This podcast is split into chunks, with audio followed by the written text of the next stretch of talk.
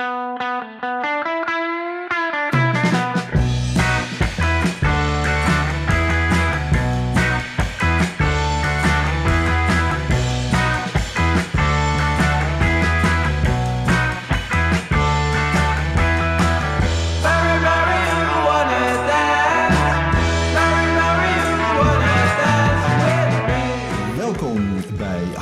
Podcast live at High Times. De eerste van vier afleveringen die we met publiek opnemen in een van de oudste en mooiste coffeeshops van Eindhoven. Mijn naam is Dirk Bergman. En mijn naam is Rens Hoppenbrouwers. Eh, welkom hier aan alle mensen van High Times en, eh, die eh, een, een koptelefoon hebben gepakt. En ik hoop dat jullie ons goed kunnen verstaan. Dat, eh, ja, mooi, top. Dan gaan we beginnen. Dit is de eerste keer, dus eh, het wordt een kleine test. Ja, we kijken uit op eh, mensen die eh, met koptelefoons opzitten met schitterende groene lampjes eh, aan beide zijden van de oorschelp. Dat is een, eh, een heel mooi gezicht. Onze hoofdgast in deze eerste aflevering van Tea Podcast Live at High Times is een van de twee oprichter, oprichters van deze eh, mooie koffieshop. Een man met een lange staat van dienst bij de Landelijke Koffieshopbond BCN. En ook bij de lokale koffieshopvereniging, de VCE. Dick van Haren, welkom in de show. Dick. Ja, dankjewel. Jullie ook eh, van harte welkom in High Times. Dank u, dank u. Zeer, eh, zeer. We zijn, eh, we zijn er een tijdje uit geweest in de zomermaanden, dus er is veel te bespreken in de nieuwsrubriek. Zoals de aanloopfase van de wietproef in Breda en Tilburg, die op 15 december start. En twee lang verwachte uitspraken van de Raad van State over coffeeshops en schaarsrecht. Ja, er zijn ook eh, nieuwe cijfers over het aantal coffeeshops in Nederland. En ook over het aantal boetes in de eerste drie maanden dat het beloverbod op de Amsterdamse Wallen eh, van kracht is geweest. En eh, goed nieuws, ook het ziet er tenminste naar uit. Er lijkt een einde te komen aan de vervolging van Johan van Laarhoven. De Tilburgse coffeeshop pionier en oprichter van de Grass Company en zijn broer Frans. Ja, en we bespreken het advies van het Amerikaanse minister van Volksgezondheid om cannabis te verplaatsen van lijst 1 naar lijst 3. Er is goed nieuws uit Suriname en slecht nieuws uit Thailand. En zoals in elke aflevering van de IT Podcast kun je luisteren naar onze vaste rubrieken Wat zit er in je joint vandaag? De oude doos en het High Tea Podcast Kweekhoekje. De reacties van luisteraars die eh, skippen we in deze aflevering omdat we een bijzondere eh cannabis quiz gaan spelen. Met, eh, als het goed is, twee leden van ons hooggeëerd publiek. Waarbij een mooie prijs eh, te winnen zal zijn. Dus die komt er dadelijk aan. In plaats van de luisteraarsreacties, de cannabis quiz. Wie het weet, mag het zeggen. Yes. Dit is High Tea Podcast met Dirk en Rens, aflevering 79. Live at the High Times. En er komt ook nog Moerad binnen, gezellig. Pak een microfoon, Keurig op tijd. gezellig, kom erbij. Eh, laten we beginnen met onze eerste jingle, of eh, onze rubriek. Wat zit er in je joint vandaag?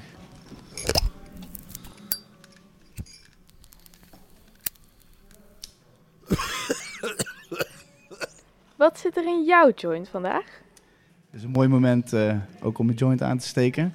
Eh, laten we bij, ja, wij zijn eigenlijk de gast, maar laten we toch bij onze gast van de podcast eh, beginnen, Dick. Ben je iets aan het roken of ga je vanavond iets lekker roken? Of, eh, Of rook Ik je al ga- jaren niks meer? Kan ook. Nou, dat is, zo is niet helemaal, maar eh, ik rook nog wel. Ja, ik rook, maar ik rook eh, hash met tabak helaas, ja. Ja, en, en dat mag hier niet. Nee, dat mag hier binnen niet. Nee, nee, nee, nee, helaas. Heb je dan nog specifieke voorkeur? Wat voor soort hash? Heb je altijd hetzelfde va- variatie? Nou, ik rook graag blonde hash. Marokkaanse blonde hash. Oké, Per, per voorkeur. ja. En er is ook, er is ook niet veel hash meer eh, variatie eh, in de... eh, wordt aangeboden. ja. Dus dat is een beetje jammer. Bijna alles Marokko? Of? Ja, bijna wel. Veel wel. Over, overwegend wel. Ja. Nou ja, als je dan toch van Marokko houdt, dan Maar is dat kost- eh, komt goed uit, Op, ja. dat, op dat punt is er dan geen probleem natuurlijk. Eh Rens, ik zie dat jij een... eh, we waren een beetje vertraagd eh, voordat we de opnameknop eindelijk hier konden indrukken. Dat had met techniek te maken, maar ook met het feit dat jij nog steeds een, eh, een dikke joint aan het draaien was. Van, zo te zien, eh, vrij verse wiet. Ja, zeker weten. Nou, het, het is, kijk, zo'n podcast opnemen, het is altijd eh, spannend, maar het is ook hartstikke leuk, omdat er iemand helemaal vanuit ver weg is gekomen. En die had ook een lekkere top. eh, eh, eh, ik heb het opgeschreven, de Lava Fries van Ah. de Super Sativa Seed Club. Eh, dus die heb ik gekregen om te kunnen roken voor deze rubriek. Het is in ieder geval zo'n... Het is een... ik heb even opgezocht wat het precies ook weer was. Ik, ik, ik, ik ken het wel, maar ik was even de genetica kwijt. Maar het is de Friesland Indica gekruist met de lava cake. Dus gassy. Hij ruikt ook heerlijk. Dus eh dank je wel in ieder geval voor, eh, voor de kweker. En eh, we gaan hem heerlijk nuttigen. Dirk, wat ga jij consumeren vandaag? Eh, toevallig kreeg ik niet zo heel lang geleden, een, hoewel ik zelf dus niet helaas was op de Homegrown Cup Summer Edition van dit jaar, die voor het eerst een, een heel weekend was. Ik zat in Frankrijk op dat moment. Maar eh, toevallig kreeg ik toch een aantal samples van deze cup eh, in handen gespeeld waar ik buitengewoon blij mee was. Dus gisteren dacht ik, wat, zal ik, wat zal ik gaan roken eh, morgen bij die, de eerste aflevering live at the High Times. En ik denk, weet je wat, ik ga alleen de geurproef doen.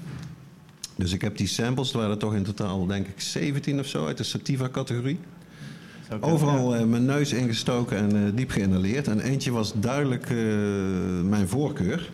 En dat bleek inderdaad, ik ben- het toch nog niet verleerd, blijkbaar het jureren. Dat was ook de nummer 1 in die categorie.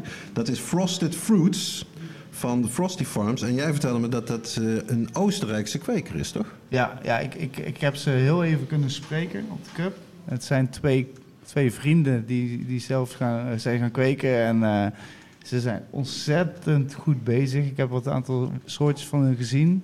Ja, echt eh likkerbarend lekker. En eh, ook, ook duidelijk de, de, de, de winnaar in ieder geval van de Ja, een sativa-categorie. over, een, ja, hij kwam er echt heel duidelijk uh, misruiken, Dick. Dus nou, iedereen in ieder geval Heel, heel zoet, zo weet je wel. Toch een beetje dat ik super fruitig. Ja. Ja, ja, fruitig, Ja, maar... ja, lekker, lekker. Ja, ik word ook altijd erg vrolijk van als ik zulke wietjes... eh Dus die eh, ben ik aan het roken deze aflevering. Simon, wat ben jij aan het roken? nee. Simon is onze braafste, eh, braafste jongen. Die, die zorgt voor ons voor de techniek en wij, wij zorgen voor de wiet. Zoiets. Dus, ik zeg, we gaan door naar het nieuws.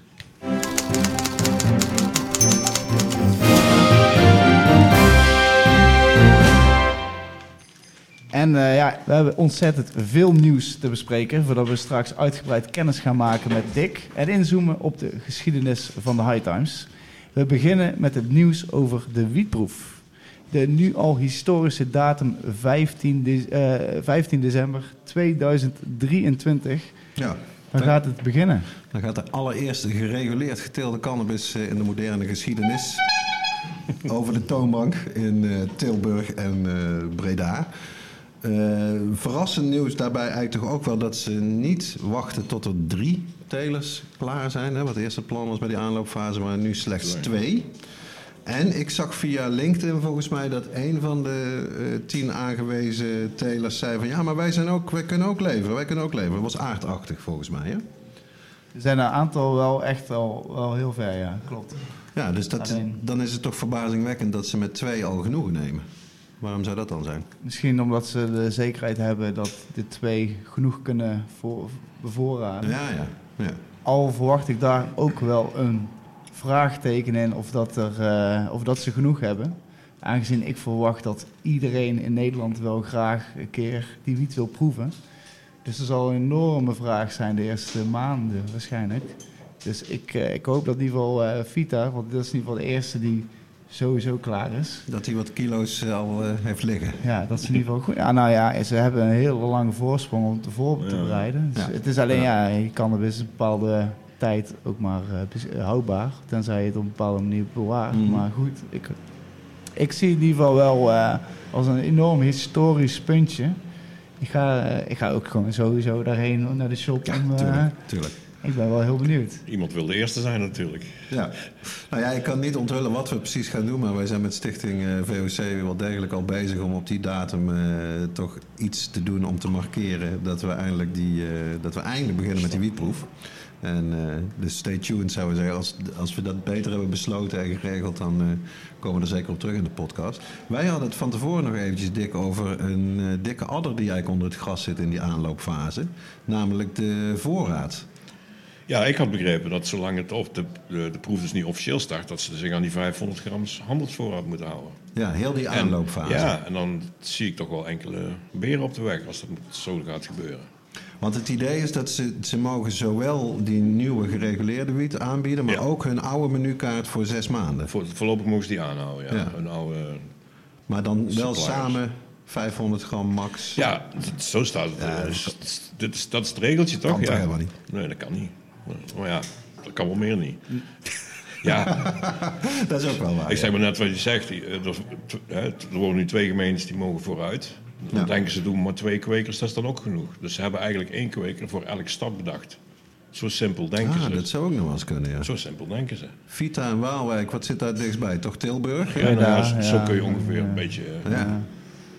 Interessant. Ze hopen natuurlijk wel dat er natuurlijk wel onderling wat, wat gaat gebeuren. Ja. Maar dat is maar de vraag natuurlijk. Aha.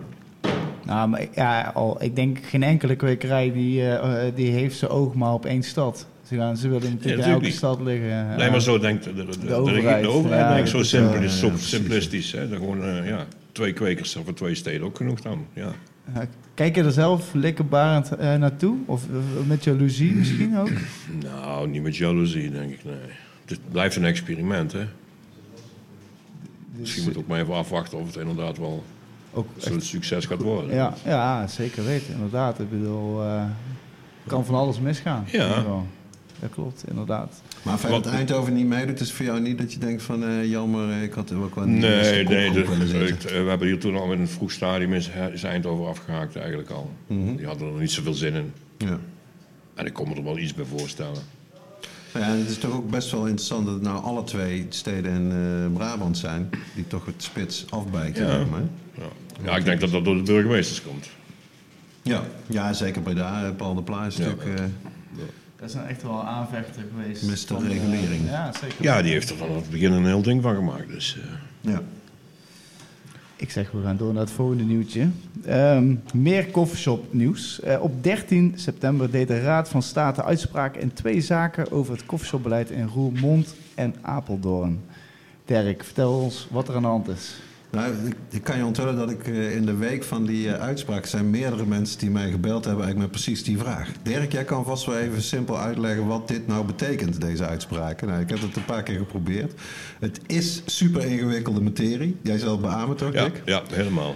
Eh, het draait in feite om de vraag: is de, de, de, de gedoogverklaring die een koffieshop heeft, is dat een schaars recht, ja of nee? En als het wel een schaars recht is, en zo wordt beschouwd, dan betekent dat dat je het één keer in de zoveel tijd kan of zelfs moet aanbesteden. Ja. Dat je dus niet continu maar de, de, de, hetzelfde recht kan blijven gunnen aan dezelfde partij. Daar gingen eigenlijk die Raad van State uitspraken over een zaak in Roermond en ook een zaak in Apeldoorn. Die in Roermond is eigenlijk denk ik het meest eh, relevante hiervoor. Eh, Peter Hendricks van Sky en eh, Skunk. We hebben hem in eh, aflevering 12 van de IT podcast te gast gehad. Dus luister die terug als je die nog niet hebt geluisterd. Heel interessant. Al in 2019 kwam de toenmalige burgemeester van Roermond met een brief over die exploitatievergunningen. Dat moet ik nou misschien nog eventjes uitleggen. Ehm, omdat cannabisverkoop nog steeds verboden is formeel in de opiumwet, kan een gemeente of welke overheid dan ook niet een vergunning daarvoor verstrekken om iets te doen wat formeel nog verboden is. En dat is zeg maar het belangrijke onderscheid tussen een exploitatievergunning, waardoor je hier zeg maar koffie kan kopen en frisdrank, of de gedoogverklaring, waar dus eigenlijk in staat, je mag hier ook wiet eh, verkopen. Dat wordt althans gedoogd.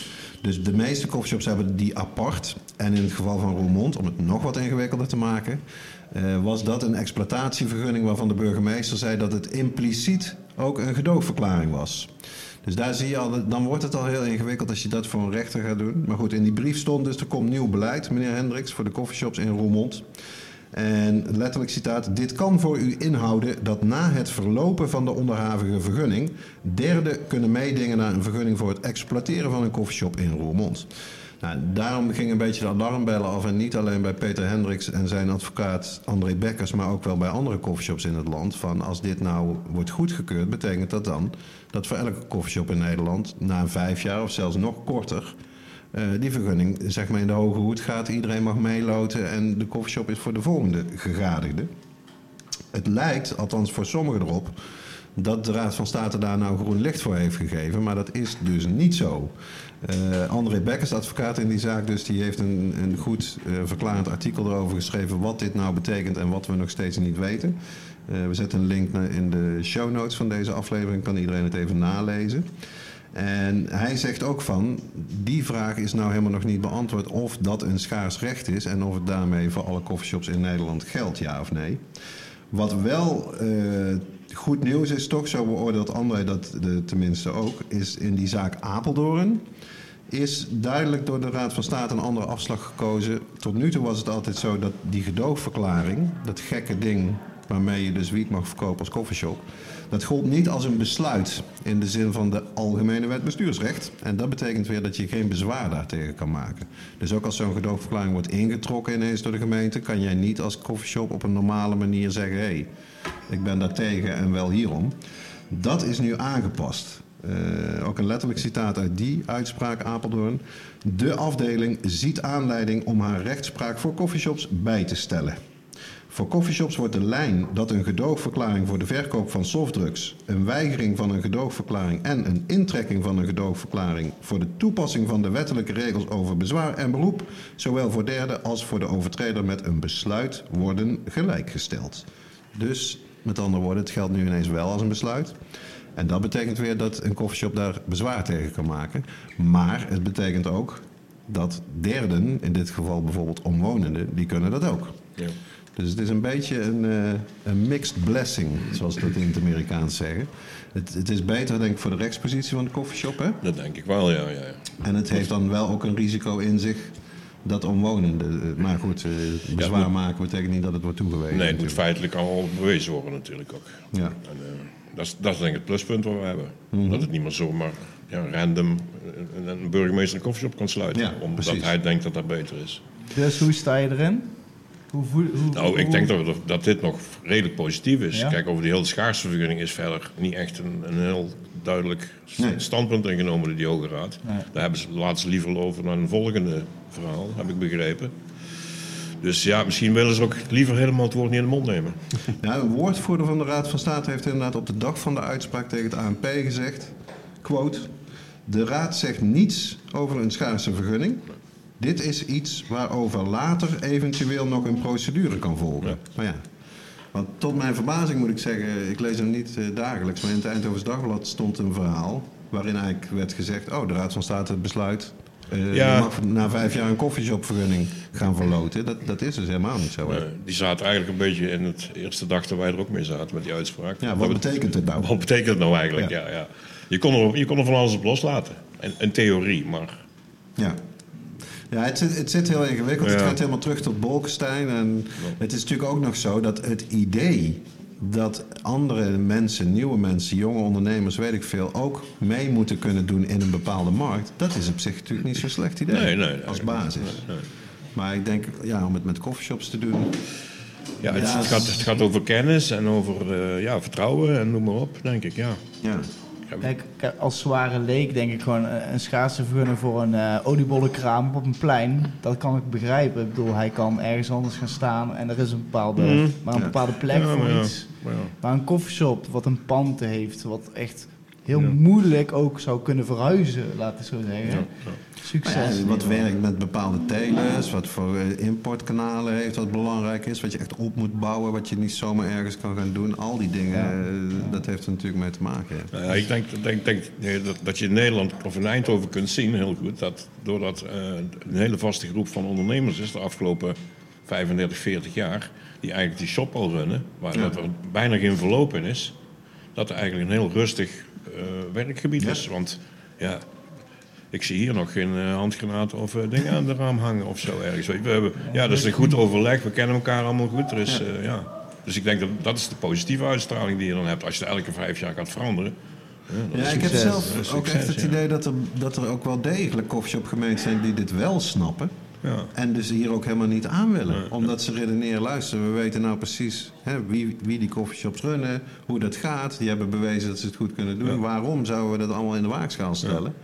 Dus dit, uh, nou, dit verhaal, dit ingewikkelde verhaal is nog uh, niet afgelopen. Nee, nee. We zullen het er eh, helaas nog Het zijn ook de grote steden. Amsterdam en Rotterdam, waar de meeste ellende is met, met, met eh, aanslagen op de coffeeshops. Er zijn ook de gemeentes waar de meeste coffeeshops onderling verhandeld worden.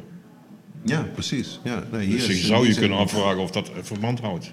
Ja, Maar goed, dat houden we in de gaten. dat blijft speculeren, Ja. Dick. Dat blijft speculeren. Meer coffeeshop nieuws. Op 13 september deed de Raad van State... Ja, die hebben we net gehad, oh, ik bedoelde, ik bedoelde sorry, over coffeeshops, over de cijfers. Ja. Er kwamen nieuwe cijfers over het aantal coffeeshops Oké. naar buiten. En jij weet ze precies. Nou ja, dat is elk jaar natuurlijk weer een, eh, zo'n dingetje. Het zijn er, eh, ik zal het even letterlijk noemen, eind... eh, even kijken hoor. Eind 2020 waren er in eh, Nederland, waar heb ik hem? Volgens mij 565, 65. ja precies. En eh, ja, gedoogde verkooppunten, waarvan er op dat moment 560 daadwerkelijk zijn geopend. Dus eh, dat, dat is ook nog zo'n ding. Eh, dat betekent als je dat in percentages rekent, dat in minder dan 30% van de Nederlandse gemeenten maar coffeeshops zijn. En in 70% van de gemeenten dus niet. Dat wisten we al, maar ja, blijft toch elke keer best wel. Er zit weinig eh, beweging in. Ja, en toch. Eigenlijk. toch wel positief. Ik heb gehoord dat het sinds 19, uh, Hupplepup 90, de eerste keer is dat er Ja. meer coffeeshops zijn dat is inderdaad wel mooi. eh, dan vorig jaar. Ja, voor het eerst sinds 1999 is het aantal shops toegenomen. Maar het gaat dan wel om een toename van 1. Eén. Ja, hey. En het aantal, en het aantal luisteren, het aantal is op de peildatum 31 maart van dit jaar, 3000, of 2023, weer gezakt naar 564 shops. Evenveel als in 2021. Dus eh, helaas Rens. Nou, oké. Ja. nou, ik kon een beetje positief proberen te brengen. Het meest opvallende vind ik dat ze voor het eerst, eh, correct me if I'm wrong, eh, Dick, volgens mij hebben ze het eerder nog niet gedaan, hebben geteld of gevraagd hoeveel shops een eh, consumptieruimte hebben. Zoals hier de High Times. Ja. Of Waar eh, nu ook afhaalshop. lekker hapjes Ja, Vertel het nog de- een keer. de- de- dat, voor de mensen. ik weet niet of dat eh, in iedere koffieshop is. Ik denk het eigenlijk niet. Want als ik kijk wat voor een eh, schitterende... eh, ja, er is van alles. Hè? Sandwiches, scones, cakejes zie ik. Daarom voor alle luisteraars, als je wat lekkers willen pakken, iedereen... eh, Val aan, eh, het ja. staat ervoor. Ja. Maar goed, eh, dat hebben ze voor het eerst meegenomen. Dus de mannen, van, eh, mannen en vrouwen van Breuer en Intraval. Want zo heet het onderzoeksbureau wat de coffeeshops altijd eh, telt in Nederland. En dan blijkt dus dat van, de vijf, van die 565 shops, inmiddels 564, hebben er 368 een consumptieruimte. En dat is 65% van het totaal. 110 coffeeshops zijn afhaalshops. Dat is iets minder dan 20%. En van de overige 87 shops is niet bekend of ze een consumptieruimte hebben.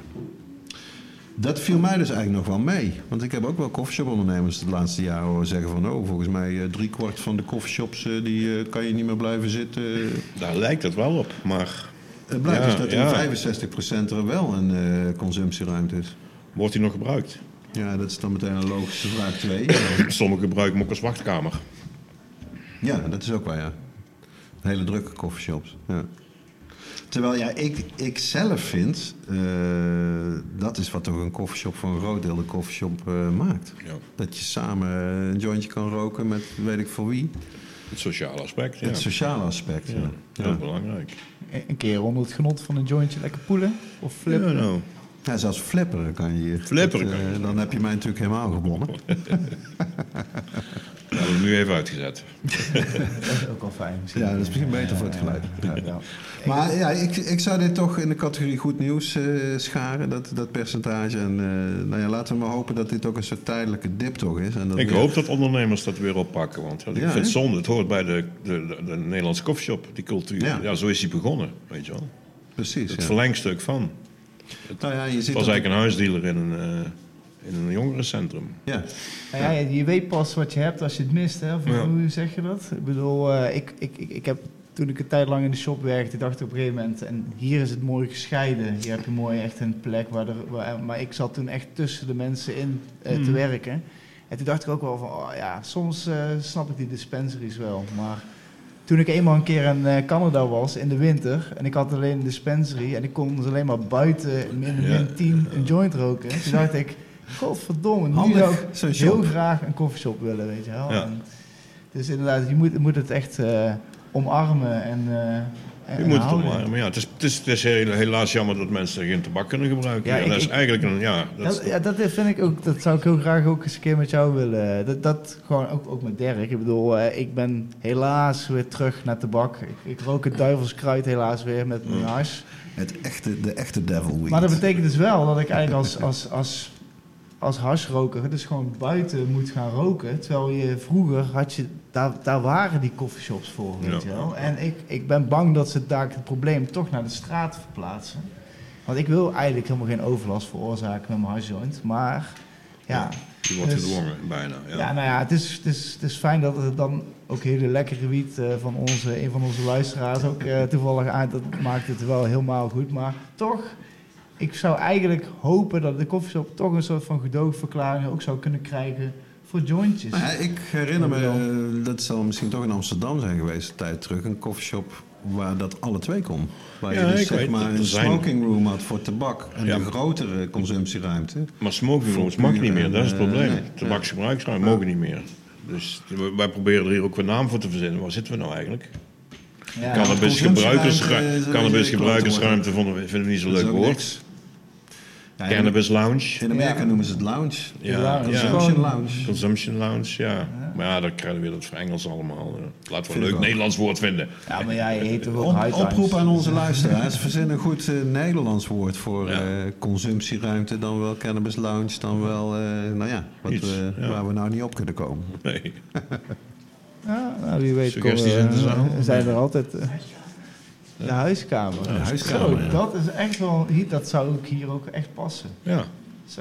Nou, we hebben, we hebben een winnaar. Die gaat door voor de wasmachine. Eh, nee, top. Nee, maar, Nee. eh, maar goed, inderdaad. Je wil een catchy naam of zo, weet je wel. Een- Ja, wiethok kun je ook zeggen. Maar dat- Ja, het glow ook. Wiethok. Ja. Nee, nee, nee. Dat kan beter. Nieuws, uit Amsterdam. In de eerste drie maanden dat het blowverbod in het Wallengebied geldt... zijn er precies nul boetes uitgedeeld aan overtreders. Ja, een schitterend eh, rond getal. En ehm, Kan ik waarderen. het werd al een beetje voorspeld dat er waarschijnlijk niet al te veel boetes eh, uitgedeeld zouden worden, maar dat het er letterlijk nul zijn in drie maanden. Ja, dat heeft ook een hoop media gehaald. Ik ben zelf op eh, NPO Radio 1 eh, geweest bij, hoe heet die, Thijs van der Brink. Oh ja. Om hierover in debat te gaan met een, eh, volgens mij gewoon een raadslid in Amsterdam. En ja, ehm, Van CDA? eh, nee, volgens mij was zij zelfs gewoon Partij van de Arbeid. Maar ze had ook een redelijk genuanceerd iets. Ze zei, en ach, eerlijk is eerlijk, ik denk dat dat wel zo is. Eh, dat betekent wel dat je een waarschuwing kan geven. En dat heeft op zich ook al zijn waarde. weet je wel? Ik ken ook wel. ehm, laatst kwam dat naar boven. Dat twee coffeeshop-ondernemers die ik sprak, die hadden alle twee eh, een maximale lengte dat je in de coffeeshop mocht verblijven. Maar daarvan zei ze ook, dat, dat gaan we eigenlijk nooit... We hebben nog nooit iemand eruit zetten omdat hij te lang is. Maar het geeft je wel de mogelijkheid om als het al te veel uit de spuigaten loopt... dat je bij wijze van spreken even kan tikken op die huisregel en zeggen... hallo, er, is- er is een einde aan dat je op één consumptie niet zes uur achter elkaar in de shop kan zitten. Nee. Misschien valt dit wel een beetje in dezelfde categorie. Dat het eh, niet echt de bedoeling is om veel boetes uit te delen.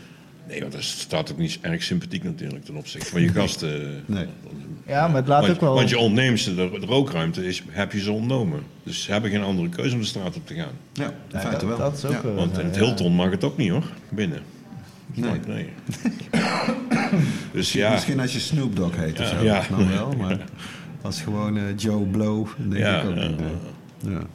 En ik vind het ook heel verpand dat Mike Tyson een vergunning heeft gekregen voor een koffieshop in Nederland. ja, dat was ook nog wel een opmerkelijk eh, Ja. nieuwtje. We hebben het niet opgenomen in de nieuwsrubriek omdat hij al overvol zat. Maar inderdaad, hij heeft een, eh, de vraag is of hij het dan ook wettelijk helemaal heeft overgenomen. Of dat hij Gewoon meer... zijn naam eh, van de Ja, zo'n soort deal, hè? Ja, denk ik wel. Denk Maar ik. hij is dus wel voor naar Amsterdam gekomen en eh, stond in alle kranten met foto's Ja. eh, met een dikke joint. En eh, Ja. is daarna, dat hebben veel minder mensen meegekregen, maar naast blowen en boksen is een belangrijke hobby van Mike Tyson duiven houden.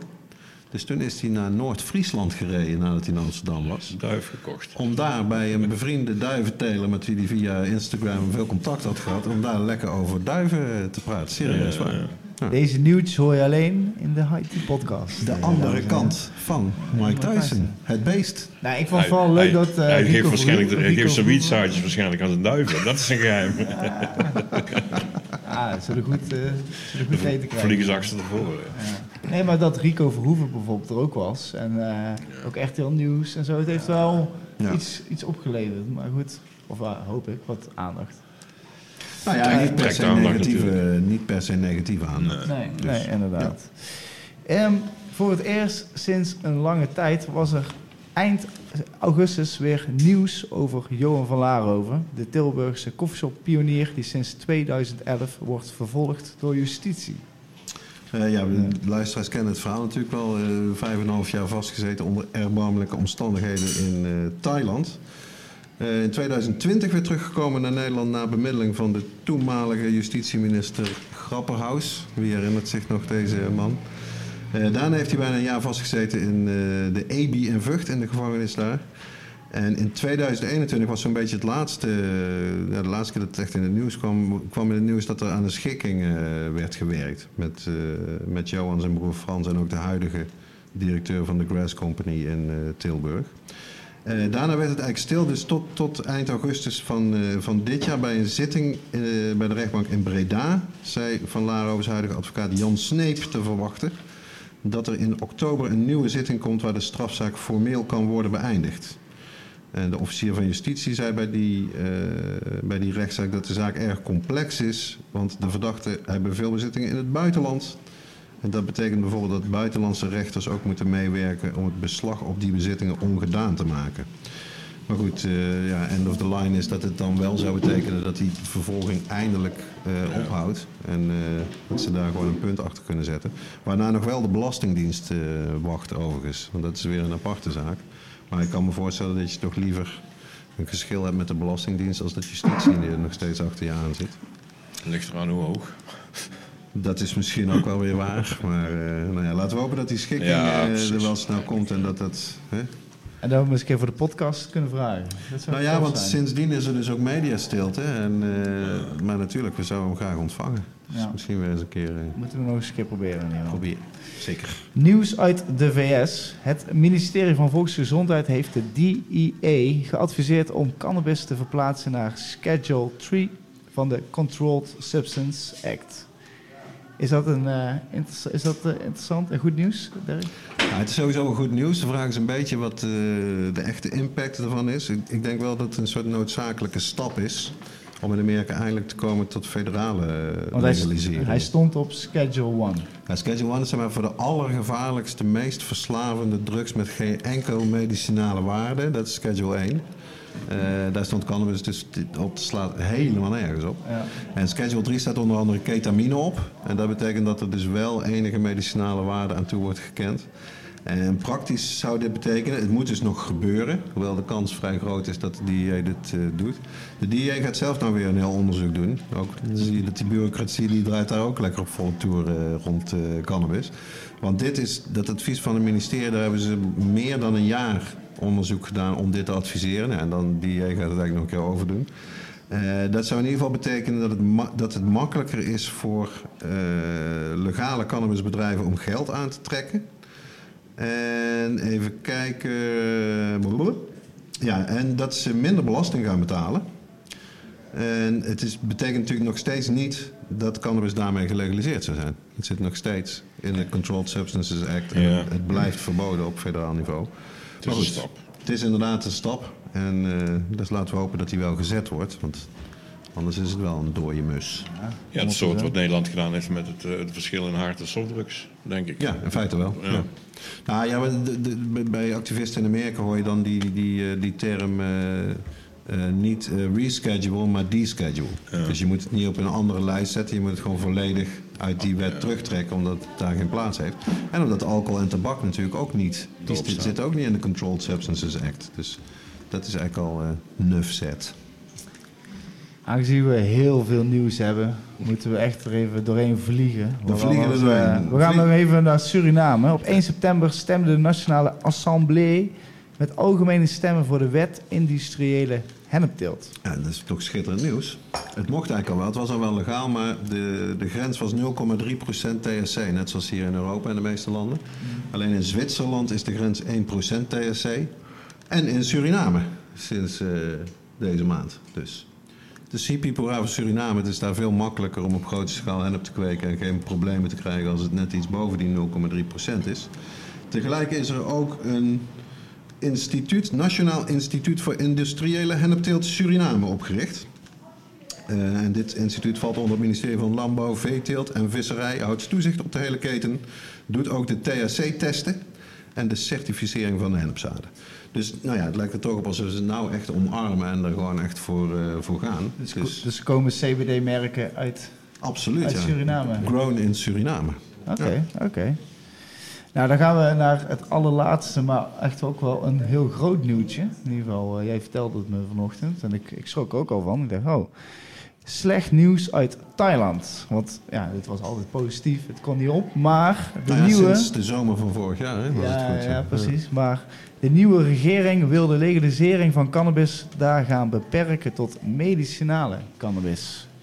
Uh, ja, klopt. Ze hebben de, verkiezingen niet zo lang geleden achter de rug. En nu dus een, een nieuwe uh, minister-president. En die heeft eigenlijk al gewoon campagne gevoerd tegen, ja, tegen dat, dat drugsbeleid wat veranderd is natuurlijk in, in, in Thailand. De meneer heet Sreta Tavisin. En die heeft afgelopen week gezegd in New York, waar die was voor de bijeenkomst van de Verenigde Naties daar dat de regering het cannabisbeleid binnen zes maanden zal rectificeren en beperken tot medicinale cannabis. Uh, die man is een vastgoedmagnaat. En uh, hij vormt een coalitie, dat vond ik ook nog wel opmerkelijk, met tien andere partijen. Kijk, Dus hebben kunnen we van leren. coalitieregering met elf partijen. Misschien moeten we die kant ook op uh, in Nederland. Ja. En het letterlijke citaat van Schetra is... De wet zal herschreven moeten worden. Uh, het, moet, het moet worden rechtgezet. We kunnen dat alleen voor medisch gebruik laten regelen. Dus hij neemt het woord nog niet eens in de mond, zeg maar. Zo'n probleem heeft hij ermee. Nee, dus dat, dat zou slecht nieuws zijn, ook voor Nederlandse ondernemers... die inmiddels in Thailand winkels hebben geopend. Zoals Royal Queen Seeds en ook Greenhouse. En dat ze echt alleen maar medicinaal willen doen... en alles wat te maken heeft met recreatief, totale rollback. Dat zou ik echt heel jammer vinden. Ja, zeker. Want dit was natuurlijk voor Azië. Zij waren de pionier in Azië, kan je zeggen. Of zijn. Het is, het is allemaal nog niet zover. En on the bright side zou ik in dit geval zeggen... ik heb toch het idee dat mensen met vrij veel macht en geld in Thailand... ook geld aan het verdienen zijn aan deze nieuwe wetten. Uh, wat zou betekenen dat, dat de soep misschien niet zo heet gegeten wordt... als die nu uh, op het menu staat van de nieuwe regering. Maar ja, wel uh, zorgwekkend, want dan krijg je natuurlijk weer het tegenovergestelde effect... dat allerlei landen kunnen gaan zeggen, zie je nou wel, zie je nou wel. Thailand had het gedaan en die hebben het alweer teruggedraaid. Uh, die vinden het niks, het is een slecht idee. Ja. Dus uh, nee, het is, het is vers nieuws dit, maar ik denk we moeten het toch maar even bespreken... want het ziet er niet goed uit in Thailand. Kijk, mijn hoop was gewoon dat ze het verder zouden reguleren. En misschien zeggen van nou, we willen het niet bij scholen, we willen het niet, weet je wel, een beetje dat het gewoon een normale, net zoals een café zou worden behandeld, om het zo maar te Ja, zeggen. ja. Maar, uh, en ik, ik, zou al, ik ben al heel graag, wil ik een keer naar Thailand om het gewoon te ervaren. Dan moet je snel zijn. Ja, dus dat is wel duidelijk. Uh, Voordat je het weet krijgen we de doodstraf. ja, nee, maar uh, of we krijgen daar heel veel illegale Thai weed hierheen. Nou ja, wat ik gehoord heb uit Thailand nu al, dus binnen het jaar, dat daar de Amerikaanse wiet, die zeg maar, de markt daar ook overspoelt, het, het voor de lokale Thaise wietboer moeilijk maakt om daar uh, te verdienen. Ja. Dus dat is natuurlijk ook wel bizar. Er is echt heel veel Amerikaanse wiet die alle kanten op. Uh, Ja, dat is uh, 100%. Als het wereldwijd, dan gaat het helemaal los, denk ik. Inderdaad. Tot zover het nieuws. Goed, dat was een hele ding, dat was een hele bak. Maar het was ook allemaal super interessant en we mochten het echt niet uh, overslaan. We kunnen het niet maar, missen. Uh, we gaan uh, onze volle aandacht focussen op onze gast en gastheer, Mr. High Times, Dick van Haren. Ja, ben je eigenlijk geboren en getogen Eindhovenaar, Ja, Dick? ik ben geboren en getogen Eindhovenaar, ja. Hier ook in de buurt? Ja, of- ja? jou om de hoek. Ah, oké. Ja, nou ja, dat, beter kan het bijna niet. Nee, hè? Nee, nee. Zou ik zeggen. Dan ben ik geboren, ja. Ik ben nog eens even terug in de geschiedenis gedoken en eh, herinnerde me toen dat voordat de High Times eh, bestond, we hebben het over de vroege jaren tachtig, jij bij een andere koffieshop hebt gewerkt die eigenlijk niet die naam misschien mocht hebben, eh, Tattoo 80. Ja, Ook bekend als het shopke. ja zeker. Kan je daar eens wat over vertellen? Want dat is, dat waren nog, fascinerend. dat waren nog mooie tijden, ja. ja, ja. ja dat was, het was een, een illegaal, natuurlijk. Het was, Uh-huh. er, was, er waren nog geen coffeeshops. Er werd, er werd een, in Eindhoven alleen nog wat cafés. Er werd wat ha- hagewiet verkocht, voornamelijk, voornamelijk hash. Ja, ja. En eh, ja, dat winkeltje is op een gegeven moment ontstaan. En eh, ja, dat, dat was eigenlijk een... eh, het ging boven verwachting goed. Het was toch ook een echte tattoo shop?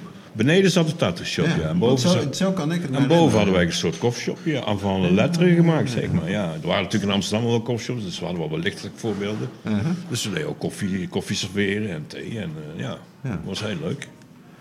En, en toen, eh, ja, dat was ook denk ik nog helemaal Wild West, toch? Nou, dat Waar viel wel nauwelijks mee. Daar werd, werd eigenlijk, wel, eigenlijk wel heel vrij makkelijk mee omgegaan. Oké. Ik kan me herinneren. Wij werden, nou, we werden eigenlijk nooit echt lastiggevallen. Ze zijn wel een paar keer binnen geweest om te kijken. Maar dat viel allemaal wel mee. Luister, ik, we hebben vaak zat meegemaakt dat, eh, dat, dat, dat de politie eh, buitenlandse toeristen bij ons aan de deurbel kwam aanbieden. Want eh, Oh ja? hij wil wat kopen. Laat hem eens binnen.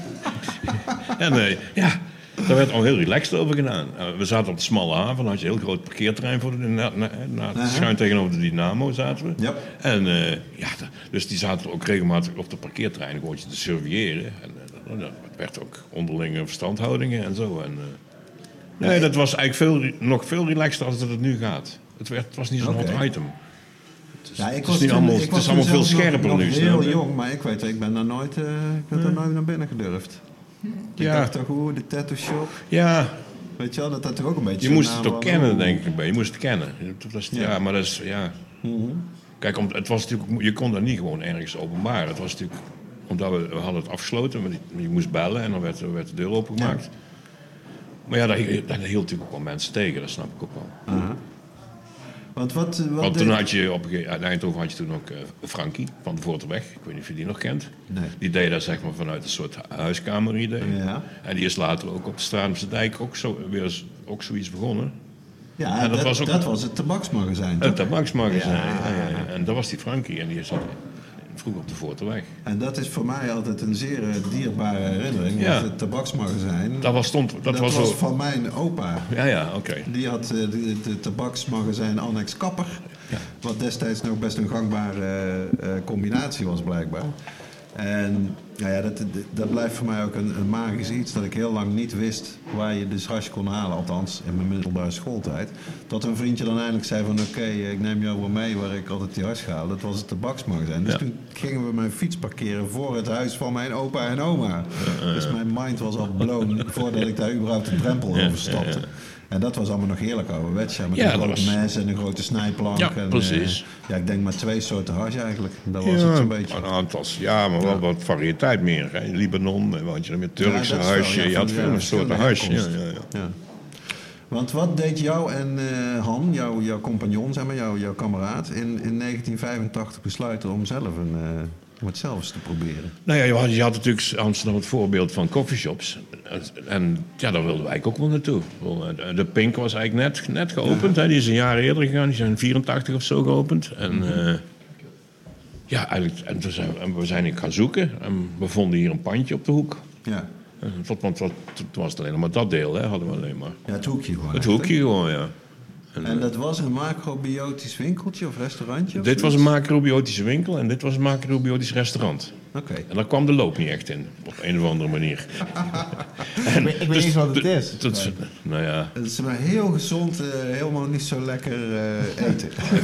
een soort kan ik het vegan nou zeggen? Vegan is soort, ja, een beetje vergelijken. De oer-vegan is Ja, dat. ja, Maar ja. toen, nou ja, zoals met meer dingen was het toen allemaal, juist omdat het minder ontwikkeld was, ook echt wel... Nou ja, Het mensen, moest wel die hard zijn, wilde je dat, zeg maar... je moest je ertussen zien, natuurlijk, want ja, je, we gingen een exploitatievergunning aanvragen en niemand wist waarvoor.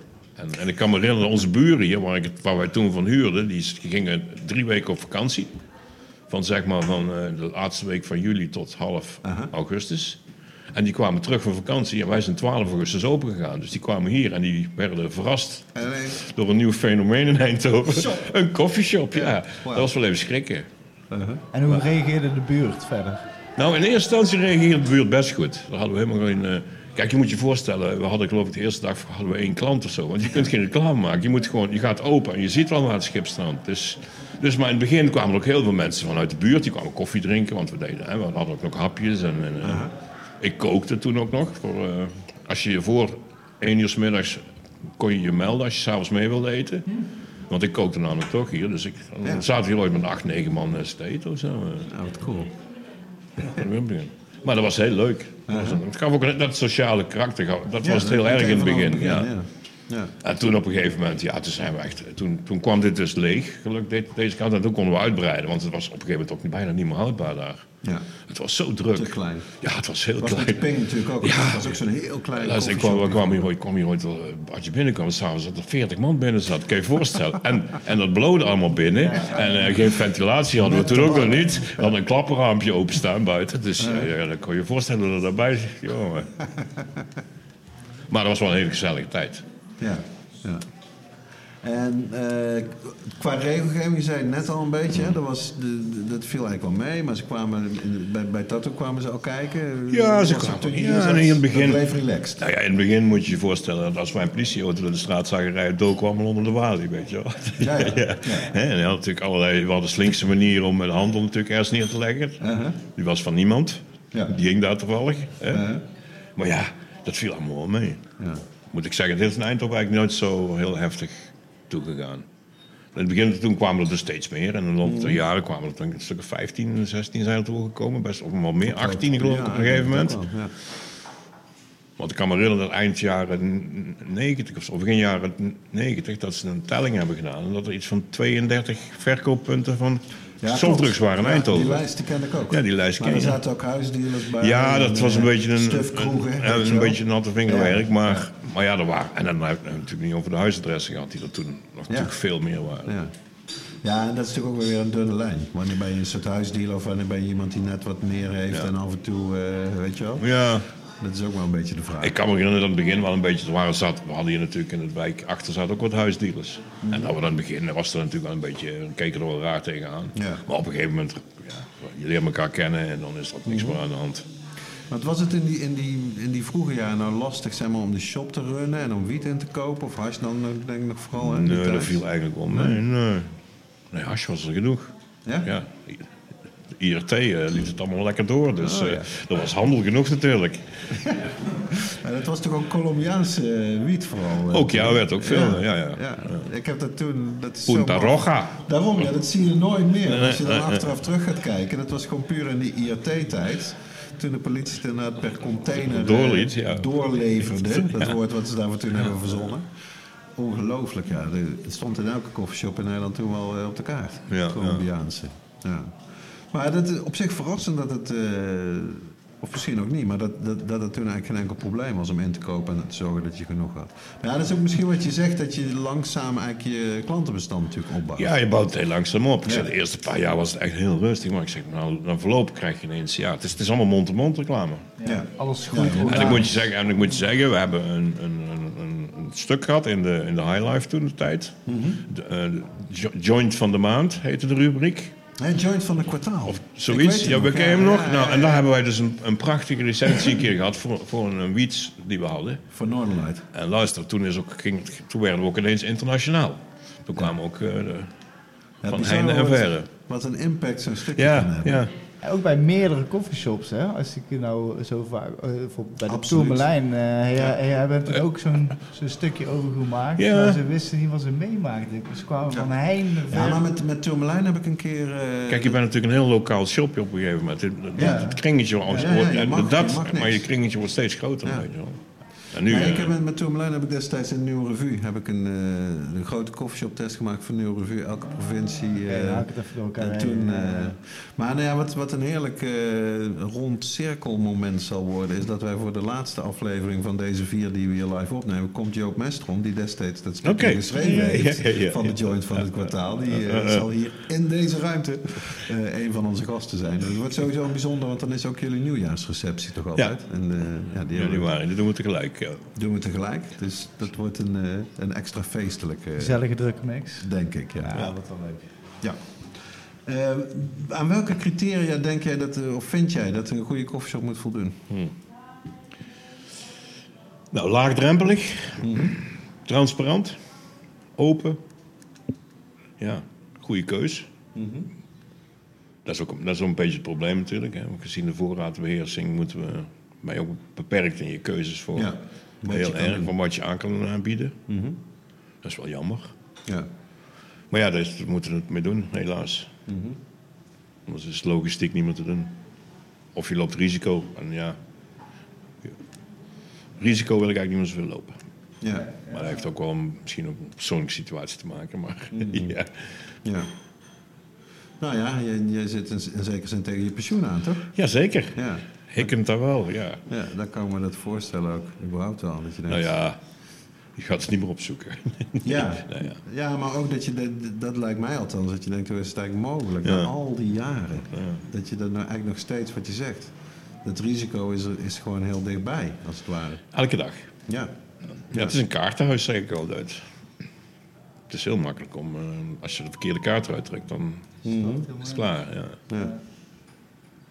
Ja. Je hebt heel lang eh, in het bestuur gezeten, ik noemde het al even in de intro, eh, van het PCN, Ja. de Landelijke Bond, en ook hier van de lokale Eindhovense Coffeeshopvereniging. Eh, waarom vond je dat belangrijk? Nou, omdat ik het heel belangrijk vind dat het een geprofessionaliseerde dingen gaat worden voor, voor de coffeeshops. Hè. De- Op in het waarde volkeren. Ik denk dat het alleen maar beter kan zijn. En ik, kan ook zien dat het die laatste jaar, tien jaar ook wel verbeterd is in coffeeshopland. Qua organisatie en Ja. dat zie je wel. Dat je, dat je samen optrekt eigenlijk Ja, om gewoon ja. eh, dingen voor elkaar te krijgen. Ja, zeker. Ik denk dat Eindhoven daar ook wel heel bijzonder eh, goed in is. In Eindhoven hebben we een hele grote succesvolle periode gehad, moet ik zeggen. Ja, met de VCE. Ja, ja, omdat er ook wel een aantal mensen in die VC zaten die er ook wel werk van wilden maken. En dat heb je vaak nodig. Ja. Want ik, ik ken heel veel collega's die ook zo fanatiek zijn in het land, maar die staan vaak alleen in hun gemeente. Ja, Maar precies, wij hadden het wordt geluk dat we een aantal zeer fanatieke eh, Ja. leden hadden. En dat heeft natuurlijk wel gewerkt. Ja. Met als hoogtepunt natuurlijk eh, de Groene Bob. Ja, ja, ja, ja, precies. Ik zal even, Even, eh, voor de mensen die dat niet meteen weten wat dat betekent, dat is een, een schitterend verhaal, vertel eens. Ja, nou, de Groene Bob, wij hadden, waren eigenlijk iets aan het zoeken, want het was natuurlijk een heel, op een gegeven moment een hele toestand met verkeer. Hè. Ja. Blowen en verkeer werd heel hot en er waren allerlei rare verhalen gingen er de lucht in. En toen eh, hadden wij bedacht een campagne om mensen eens, eh, proberen te bewust te maken van het feit, ja, eh, kijk uit met, met, met rijden. Ja. Want het zat eraan te komen dat het helemaal verboden werd, wat later ook gebeurde natuurlijk. En toen zijn we gaan zoeken eigenlijk voor om iets te bedenken. Wel, En toen, ja, je hebt natuurlijk de, de, Bob, de beroemde Bob-campagne van Veilig Verkeer Nederland, met alcohol in het verkeer. En toen vonden wij eigenlijk, nou ja, onze ontwerper in deze geval, eh, die kwam met het verhaal Groene Bob aan. En dat, Ja. ja. nou, dat moest, het was Ja, eigenlijk zo leuk Ja. dat wij zeiden, ja, dat moeten we gewoon doen. Kijk, we wisten natuurlijk van tevoren ook wel eh, dat we, dat we er niet meer weg gingen komen. Maar ja, we hebben wel eh, twee weken lang de, de kranten gehaald landelijk. Dus eh, alleen maar met de actie. Nou ja, en Veilig Verkeer Nederland kwam meteen eh like a ton of bricks bovenop je. Nou ja, die, dat, die, maar dat, dat was, die, die had, konden niet zoveel. Want het was namelijk niet hun campagne. De Bob-campagne is Belgisch. Klopt, ja. En eh, dus hun moesten even terug op de plaats, want ze, ze konden ons niet verbieden, want het was helemaal niet hun campagne. We hadden hem ook maar geleend van de Belgen. Maar ze zijn toch wel met advocaat gaan draaien? Ja, dan wel, maar later is, is die Belgische bond is ingestapt. Ah. En toen, was het, toen, ja, toen werden wij geadviseerd om maar inderdaad eh, even, even terug te trekken. Ja. Maar ze duiken af en toe nog wel op. Ja? Ja, er, was natuurlijk, ja, er is natuurlijk een grote partij eh Gedrukt. spulletjes gedrukt en gedaan. En flyers en buttons. Ja, en die vind je af en toe nog wel ergens, ergens terug. Ja, dat is wel mooi. Ja, maar dat is Ja, een leuk ik- verhaal. Ik weet nog wat destijds, ik vond het ook zo slecht dat Veilig Verkeer Nederland dan niet zegt van wij gaan zelf dan iets Met zelf doen. iets. Nee, want daar hebben we ze jaren voor uitgedacht. Ja. We hebben ze ook brieven gestuurd. Kom met iets. Ja. Moeten we helpen? Willen we, we willen helpen. We hebben ze echt van alles aangeboden. En we kregen er echt nul. Nee, dus, het ging, dus, we Het waren is aan het wel een grote studeren. doelgroep natuurlijk. hè. Mhm. 1,1 miljoen consumenten. Ze zullen niet allemaal auto rijden, maar toch wel eh, het, het overgrote deel. Dat gaat hem open. eh, Ja. Nederlanders, ja. Ja, Eh, ja. De, de, de Lighthouse is in 2021, niet zo lang geleden, negen maanden dicht geweest. Gesloten door de gemeente wegens overschrijding van de toegestane voorraad. Volgens mij was dat de allereerste sanctie in het bestaan van de High Times. Of in ieder geval Ja. sluiting Ja. vanwege iets. Ja. Kan je eens vertellen wat voor impact eh, dat zoiets heeft? ja, dat heeft natuurlijk een hele grote impact op je zaak. Want je moet, eh, ja, je, gaat, je moet dicht. Je gaat sluiten. En eh, ja, al je personeel moet je ontslaan. Ja, Want je kunt er niet meer verder. Dus ja, dat heeft best een impact. Ehm, was het ook al snel duidelijk dat het voor zo lang zou zijn? Of? Nou ja, er is in Eindhoven natuurlijk een, de Matrix, zoals die noemen. De beroemde, da- daar wordt per hoeveelheid eh, drugs wat, aange- wat aangetroffen is, Aha. is staan sancties. En dan gaat Ah, per, dus maand, kan je het zelf per maand gaat dat, eh, ja. in het vakje opzoeken, Ja. zeg maar. Ja. En boven de 100 is een jaar en dan is het klaar. Dan. Want hoger mag niet, want ze kunnen niet langer als een jaar sluiten. Oh, Nee, want dan verlies je. niet eens. Nee, want dan, kijk, als een, een bedrijf jaren dicht is, dan vervalt de vergunning. Hmm. Dus eh, daarom doen ze, doen ze meestal in de praktijk ook 360 dagen. Ah, oké. 12 keer 30. Ja, was- waarbij je dan toch ziet dat er ook wel op lokaal niveau wel wordt meegedacht. Zeg Nou ja, kijk, ze, ze halen zichzelf dan ook, want dan moeten ze zelf weer, moeten ze zelf weer een nieuwe vergunning aan gaan eh uithouden. Dus ja, Ja.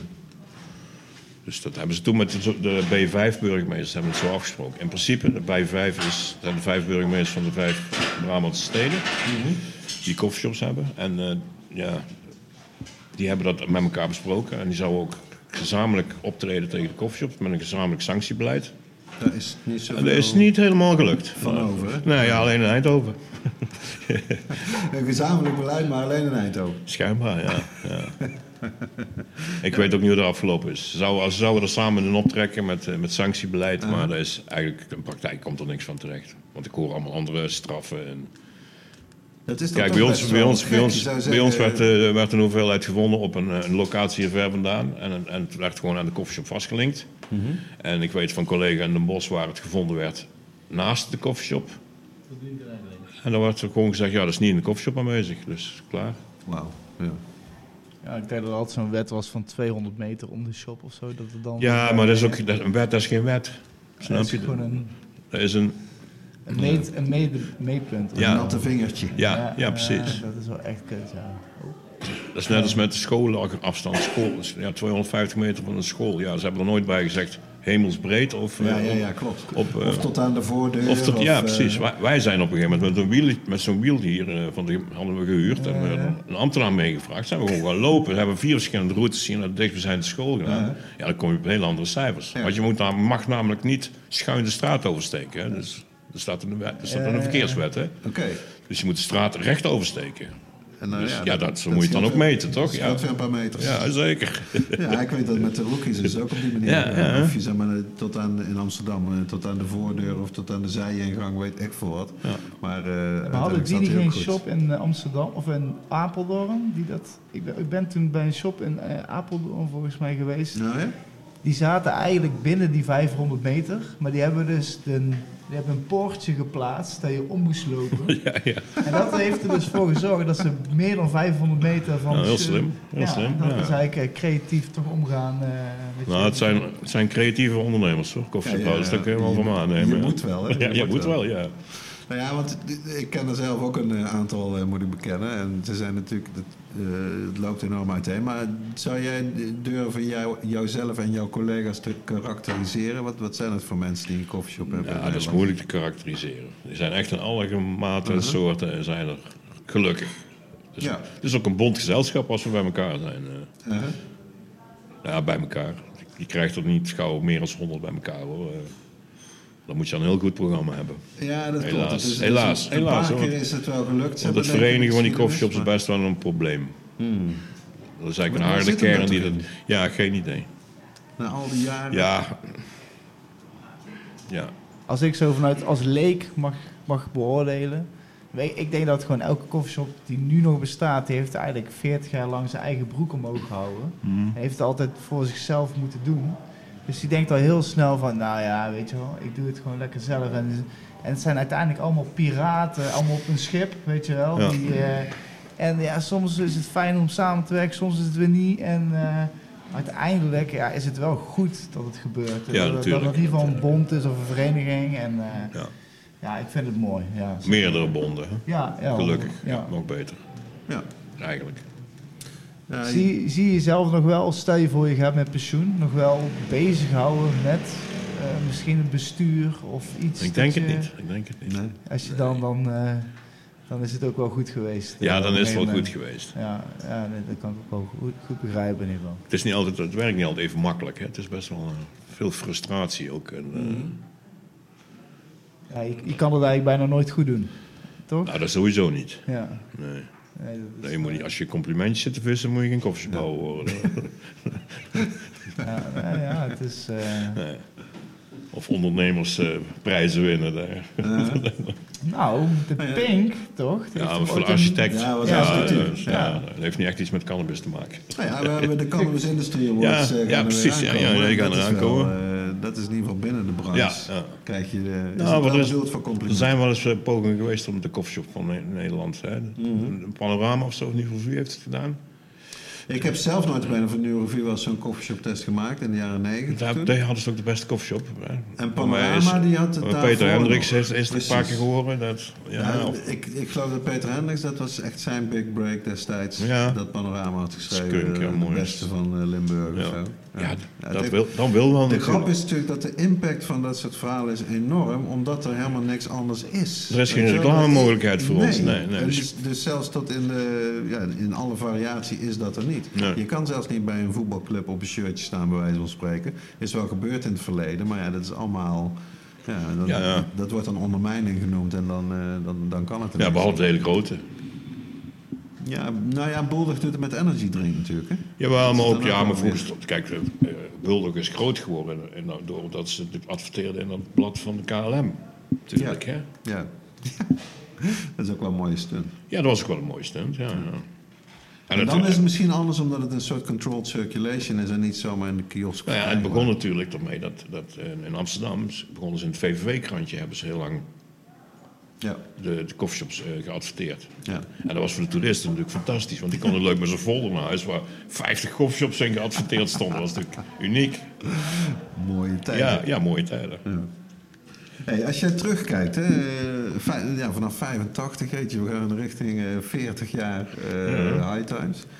Eh, wat zie jij dan in, in grote lijnen voor soort trends? Als je het hebt over, over zeg maar, wat het publiek wil, of hoe, hoe de politiek mee omgaat, of hoe die ondernemers, wat, wat is veranderd?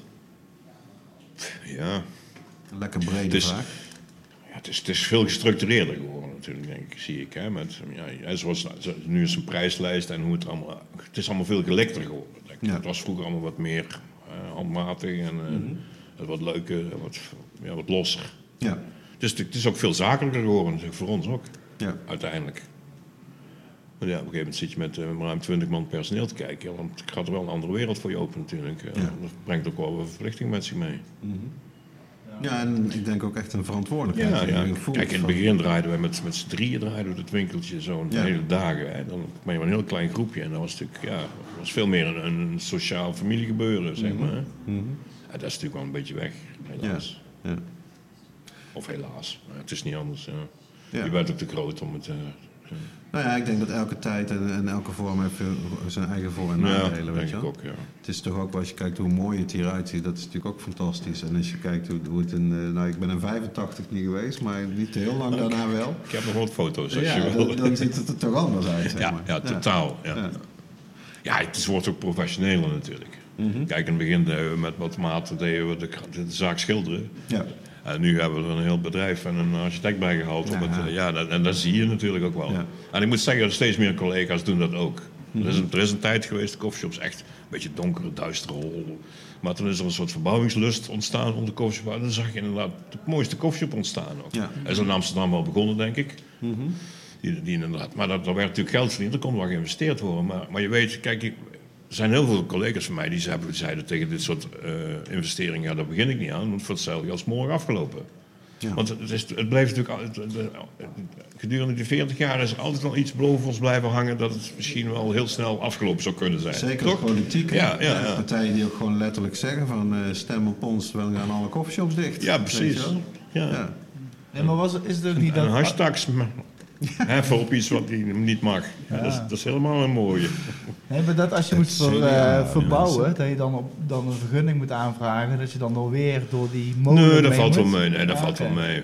Dat hebben de bouwers van, van mij, die, die regelen dat, de architect, weet je wel. Dus dat, eh, Ah, oké. Ja, dan zou het eigenlijk geen excuus zijn om Nee, nee maar dat excuus is gewoon dat ze zeggen: ja, ik kan wel, eh, we kunnen wel een hele hoop geld gaan investeren, maar Ja. niet mooi overmorgen sluit, sluit de burgemeester mijn zaak. Want Ja. dat kan hij natuurlijk random doen eigenlijk. Hè. Ja, en, en het loopt, Ja, en het loopt toch wel waarschijnlijk, waarschijnlijk bij, bij zo'n shop, weet je wel. Dat ik denk, nou de noodzaak is toch niet zo nodig. Oh, we hebben wel, ik moet je zeggen, toen we dit, dit klaar was, toen kregen we boven, toen kwam er heus wel weer een, een, een schepje bovenop hoor. Ja? Ja. Ah, Omdat mensen hier ook prettig zaten, snap je? Dus Ja. Mensen zitten ook prettig en dat vinden ze natuurlijk ook wel aangenaam. Ja, ja, Ah, de- voor de verbouwing vond ik het ook altijd een hele mooie charme hebben met de lange bar die Ja. daar zo liep, die, die net iets lager liep. Dus je zat eigenlijk op ooghoogte. Zat je, Ja. Ja, Het was gewoon, eh had altijd echt een huiskamergevoel vond ik. dat was ook ons Ja. idee, maar, ik, maar op een gegeven moment, dat, toen niet de bakker uit moest, Ja, ook inderdaad. Toen- toen Ja, het- daar begon het. geweest. daar begon het, ja. En dan corona eroverheen om het nog... eh, ja, ook nog eh, even onduidelijk te maken, ja. Nee, laten we daar gewoon eh, voor Eh, doorvechten ja. voor zoveel we dat Ja, kunnen, nee, daarom, zeg ik ook, het, belang vind ik ook van zo'n koffieshop met een consumptieruimte, vind ik heel belangrijk. Dat is de cultuur, ja. Ja, dat is de cultuur. Ja. Want we zijn nog ooit, we hebben er nog ooit over nagedacht bij het PCN om ons aan te melden bij de UNESCO hè, voor Ja. cultureel erfgoed. Want het is het uitstervend iets, de koffieshop. Hè, want het is, En een wereldwijd beroemd en ook erkend iets. Ja, dat we ja, ja. niet vergeten. Wat gewoon miljoenen bezoekers überhaupt al trekt per jaar. ja. Meer dan eh, het, eh, hoewel schitterend, planetarium van IJzer Elzinga in Friesland. meer, En, precies. eh, dat is toch ook wereld eh Ja. UNESCO erfgoed Ja, daarom. Nou, misschien moeten we het gewoon alsnog een keer van de grond eh, proberen. proberen te trekken. nou ja, we hebben het nooit, ik weet niet of het uit echt geprobeerd is, maar, we Volgens hebben, mij maar heeft voor mij moet je... Dimitri Breuer van, eh Is er mee bezig van We geweest. Smoke, van Ja, de Consumentenbond, ja. heeft het wel eens eh, Ja. proberen aan Maar of er echt ja. iets van gemaakt is ooit, dat weet ik niet. Want ik, voor mij moet, je het, moet het via de, via de regering. Moet je iemand van de regering, die moet het verzoek doen bij de UNESCO. Of er moet een rapport gemaakt worden of iets. Want. Ja, want dat ik zou hoorde nou van het, chic uit. Dat het- IJzinga verhaal. Dat, Ja. nog eens, dat heeft 20 jaar geduurd of zo. Ja, ja, ja. ja. Nou, eh, we verzinnen wel iets beters. Ja. nee, nee, nee. nee. Nou ja. Dat is zo lastig, ja. Maar het is wel, ik vind het nog steeds een goed idee. Uiteindelijk Ja. is het zo uniek. Ja. We zijn ook uiteindelijk, ook met de corona, zijn jullie eh, meteen weer open gemogen. Ja. Ja. Kun je daar, kun je, zou je jouw verhaal luisteren? Want dat moet Ja, toen ook Het dat het, het eigenlijk hetzelfde verhaal als wat we allemaal was meemaakten. Rijden voor de deur. Ja, ja. knettergek, ja, het was, Oh. Maar ik heb de foto's inderdaad, staan ze echt tot eh, 100 meter verder op de rij. En terwijl eigenlijk helemaal niks aan de hand was, toch? De dag erop gingen we weer open. Ja. Ja. ja, maar je moest wel om zes uur dicht volgens mij. Jawel, toch? die dag, Dat was het maar- wel. Ja, het en- was een avond. En eh, de avond gingen we dicht ja. en die dag was nog dichter op. En toen zei iedereen, nou, Laten we laten maar ze mogen jullie- binnenlaten. Zijn jullie toen ook keurig zeg maar, om zes uur dicht gaan of toch wel een uurtje? Of, eh? Nou, voor mij zijn wij vrij... str- Ja, 9 was de Oh, deadline of zo. Ja, dat was oké, overleg ook, hè, met, met, Ja. met handhaving en zo. En, eh, want die zagen natuurlijk ook wel die rij. Die zei, ja, ja, ja, dat is niet te doen. dat, dat is niet te doen, dat moet je niet doen. Want dan, als je dan onrust wil, ja, dan krijg je hem, hè. Ja, Ja. precies. Ja.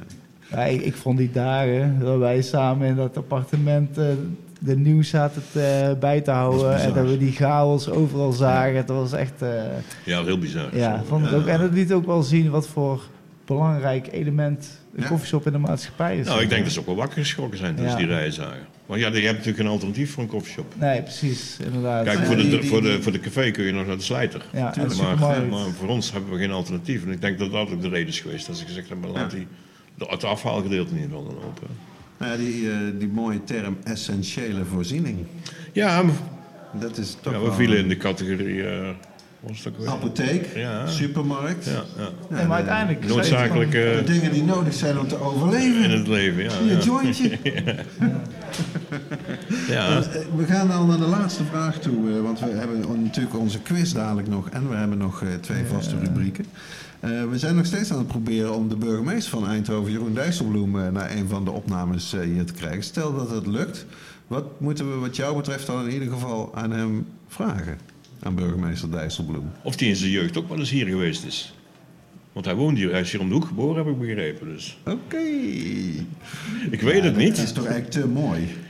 Dan zou hij toch, dan heeft hij dubbel reden om hier eh, te Nee, komen. ik- dat weet ik niet. Of hij durft misschien niet meer te komen. misschien denkt hij dat ik een oude camerabeeld heb of zo. Nou ja, we, we hebben, we, dat hebben een wel- uitnodiging Nee. eh, gestuurd Ja. voor een van de vier opnames. We hebben nog geen eh, reactie van hem gekregen, maar stel je voor. Het is namelijk voor ons zo, wij hebben in alle eh, afleveringen tot nu toe we hebben nog geen één keer een politicus gehad. Nee, dat zou leuk we zijn. ja. meer... eh, zeg Wel positiviteit. Ja, we willen die politici wat die weet, eh, zeggen over wie, dat weten we onderhand wel. En die hebben podium genoeg. Maar kijk, in dit geval, hè, we zitten hier in de High Times. Als de burgemeester zou willen komen, dan, is hij, eh, dan ontvangen we hem toch met open armen. Ja. eh, niet waar, hè? Ja, Hij is hier van harte 100%. welkom. Dat zou ik eh, hartstikke leuk vinden. En dan gaan we inderdaad vragen ook of hij hier... eh, Nieuwjaarsreceptie. back in the day was. Nou ja, dat zou inderdaad ook nog... Dus het zou schitterend zijn. Het zou schitterend zijn. Dirk, Of in ieder geval, eh, Dick, dankjewel. In ieder geval Nou, heel eh, graag gedaan, jongens. dat wij hier ook onze podcast mogen opnemen. Ja, met dat je als die, gast bent, inderdaad. Eh, laten we... Heerlijke hapjes en alle Inderdaad. fijne dingen die je allemaal... Ik, ik zie iedereen hier genieten, dus dat is hartstikke mooi. Laten we naar de oude doos gaan. Laten we dat doen.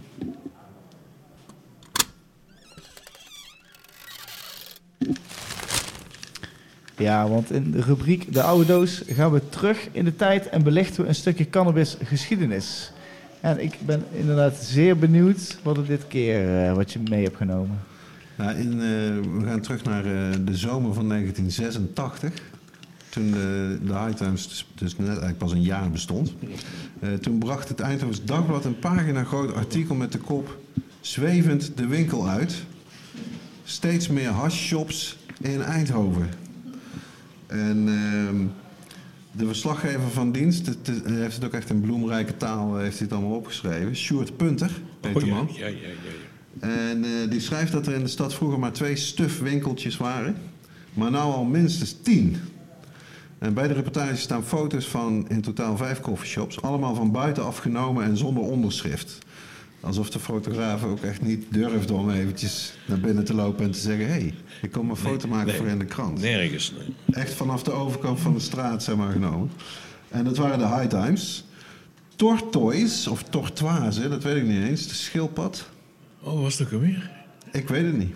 De Grasshopper, die ik me nog wel degelijk Grote kan Berg. herinneren natuurlijk, Grote Ja. Berg. De Pink Panther, zoals de Pink toen nog heette. Naast was ernaast, hè, de kleine... En, en Tattoo 80, En dat het dus eh, het shopje.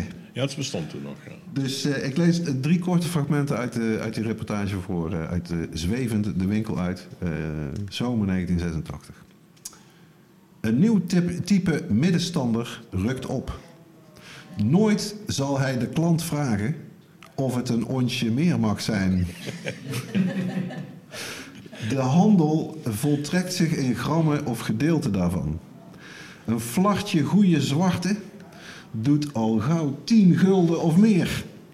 Hetzelfde dat een geringe hoeveelheid groen gebladerte moet opbrengen. In stuffshops gaan de klanten dan ook beslist niet gebukt onder het gewicht van zware tassen naar buiten. Als de kwaliteit het toelaat, kan men sommigen soms zwevend het pand zien verlaten. Waren de eerste shops nog in het centrum? Inmiddels zijn ze ook in de woonwijken verschenen. Zo werd aan de Roostenlaan, op korte afstand van diverse scholen, High Times geopend. Een gedetailleerde prijslijst aan de muur of een aanlokkelijke uitstalling van de voorradige waren achter plastic in een multomap staat de hunkerende klant ten dienste. De prijzen variëren van een gram van de goedkoopste hennep, tussen haakjes 5 gulden, tot 15 gulden voor een type hash dat een olifant kan platleggen. Ja, was het maar waar. en ik, ik geloof dat die multomap, dat was hier toch? Ja, ja, ja, Jullie hadden ja, ja, een multomap. Vert- Vertel eens. Nou, we, hadden zo, we waren begonnen met zo'n multomap en toen hadden we een klant hier en, en die, dat was een vrouw die deed leerbewerken. En die zei tegen mij, nou zal ik eens een mooie leren map maken met hem, wat kon hij erin steken. Ja, die map was helaas na twee weken verdwenen, met inhoud en al. Maar die, die, die ging rond dan om mensen te laten kijken. Dus Ja. ja, en in de drukte eh, is hij op een gegeven moment... eh, Dus het is eigenlijk puur eh, geluk dat die Short Punter dat, die nog zelf dat heeft kunnen zien. Ja, Ja. ja. Ja, dit is, ik vond het een schitterend eh, stukje lokale eh cannabisgeschiedenis, toch? Zwevend eh, ja. de winkel uit. Hartstikke mooi. Dankjewel eh De doos kan weer dicht. voor, de mooie, voor, het mooie, voor het mooie verhaal. Ja, Ja, we gaan door naar het High Tea Pot kweekhoekje. let's go. Laat hem maar horen. Let's go. Het High Tea Podcast. Kweekhoekje. Ja, ik ehm, moet zeggen, om maar in het kweekhoekje alvast te beginnen. Ik, ik, ik heb dus een lekkere topje homegrown... eh, hier. Lava Zo- Freeze. Lava Freeze. Nou, het is echt een hartstikke, hartstikke lekker Hij is jointje. bijna Dus voor, eh. ook eh, voor de kweker, dankjewel. op, ja. Ik ga echt... eh, ja, van sommige dingen moet je gewoon snel oproepen. Zo. Dirk, hoe staat het met jouw planten eigenlijk? eh? Nou, ze staan nog allemaal eh, op mijn balkon. Eh, voor dit jaar heb ik eh, drie soortjes. Eh, een van mijn topfavorieten alle tijden, zoals de vaste luisteraars zullen weten, de Sweets van Karma. Eh, daarnaast heb ik van eh, vriend van de show Seedstockers, heb ik eh, Slurry Fritter, heet die. Oké, oké. Dus daar ben ik ook zeer benieuwd naar. En mijn derde soort van dit jaar, dat, daar kijk ik ook toch wel naar uit. Die heb ik gekregen van, van Guido, die we toch echt een keer ook in de show moeten hebben. Ja, zeker. Denk inderdaad. zou hem niet naar Eindhoven kunnen lokken hier naar de High Times? Ik denk dat we hem wel naar Eindhoven kunnen lokken. Dat is ja. mooi, hè? Ja, ja, ja. Dan Hij- moeten we wel eens, eh, dat zouden we moeten even, moeten even opschrijven. Ja, hij heeft namelijk eh, een, een- zelf een kruising gemaakt van de sweets van Karma Genetics met de Strawberry Camp Dog OG van de Super Sativa Seed Club. En eh, die heb ik op mijn balkon staan. En eh, ja, dat, dat is ook wel weer bijzonder. Dan krijg je sweets met strawberry en die, eh, ja, die gassy eh, OG, eh, nou ja, whatever. En dan ook nog op Eindhovense grond. Dus eh, nee, ik ben heel blij dat eh, het Algemeen Dagblad noemde dat eh, een schitterende term oude wijvenzomer. Die komt er weer aan. Ja. Die begint eh, vandaag, Indian volgens mij. Summer, ja. Indian Summer. Dus we krijgen nog een paar echt warme dagen met veel zon en droog. Lekker, lekker. Dat is hoera voor de buitenkweker. Ook dat, ja. Zeker. Zeker. Zeer zeker. Deze weken zijn ook echt het belangrijkste, toch? Ze zijn Dat, eh, super belangrijk. En voor mij komt daar als eh, complicerende factor bij. En ook voor eh, onze geluidstechnicus Simon. Dat ik, volgende maand ga ik twee weken naar Amerika. En dat is net een beetje de tijd ja, dat het de do or die is voor je, voor je laatste buitenplanten. Kunnen ze nog net even buiten staan of, of krijgen ze dan schimmel? Dus nou ja, een, een deel van die toch ja, enorme verantwoordelijkheid, zou ik zeggen. Ja, die, die, die komt op de schouders van Simon terecht, want die gaat niet mee naar Amerika. Simon, besef jij dat jij bepaalt hoe het kerstdiner is eh, deze winter? eh? Hoe gezellig het, Hoe gezellig het gaat zijn. Maar eh, het goede nieuws is dus voorlopig eh, gaan we nog niet. En het ziet naar uit dat ik in ieder geval één of twee van die eh, planten al wel gewoon kan oogsten voordat wij vertrekken. En dan heb ik dat maar vast eh, hangen, om, om het zo maar eens te zeggen. Dus eh, nou ja, tips eigenlijk voor, voor deze fase. De buitenkwekers die meeluisteren en hun planten nog hebben staan. Ja, toch s'morgens als het zo nat is en veel geregend heeft, eh, schudden. Schudden aan die planten, eh, vooral die dikke toppen, want daar blijft je water in staan en krijg je schimmelvorming. Ja. En als je ze in pot hebt staan, schroom niet om ze op hele natte dagen gewoon als je daar ruimte voor binnen te zetten. Al is het in je keuken of in je garage of weet ik veel wat. Gewoon even lekker naar binnen en dan als het zo'n dag is zoals vandaag, waar de zon uitbundig schijnt hier in Eindhoven, dan zet je ze uiteraard gewoon weer buiten. En dan hou je het net wat langer vol. Maar eh, blijf ook inspecteren, want eh, schimmel kan zich razendsnel ontwikkelen. Dus eh, ik zeg het ook maar vast tegen onze geluidstechnicus. Niet één, maar twee keer per dag controleren. in de dikste toppen. Nou goed, in ieder geval. Heb jij een vraag, een tip of een goed verhaal over buitentilt? Laat het ons weten. En of eh, gebruik de comments op eh, Instagram of mail naar info.hightpodcast.nl en podcast met een T. Vergeet het niet. Ja, ja oké. Dan gaan we nu... Naar een gloednieuw onderdeel. We doen een test in een test in een test. Dus eh, Een we gaan... experiment eh, binnen de proef. we willen eigenlijk elke, elke, elke aflevering in deze live podcast willen we een kleine quiz doen op het einde. En ehm, Dirk, eh, leg jij het dus goed uit. Ik zal het eh, proberen. Ook dat Ja. is een uitdaging. Een beetje zoals die Raad van State eh, uitspraak. De, de, de, de quiz heet Wie het weet mag het zeggen. Dat is al erg belangrijk. We kiezen twee spelers uit het publiek. We hebben er al eentje. Die hebben we al weten te engageren voordat we begonnen. Fantastisch. Dus die mag deze kant op komen. Ja. En dan, eh, dan zoeken we dus nog een tweede speler die het eh, op wil nemen.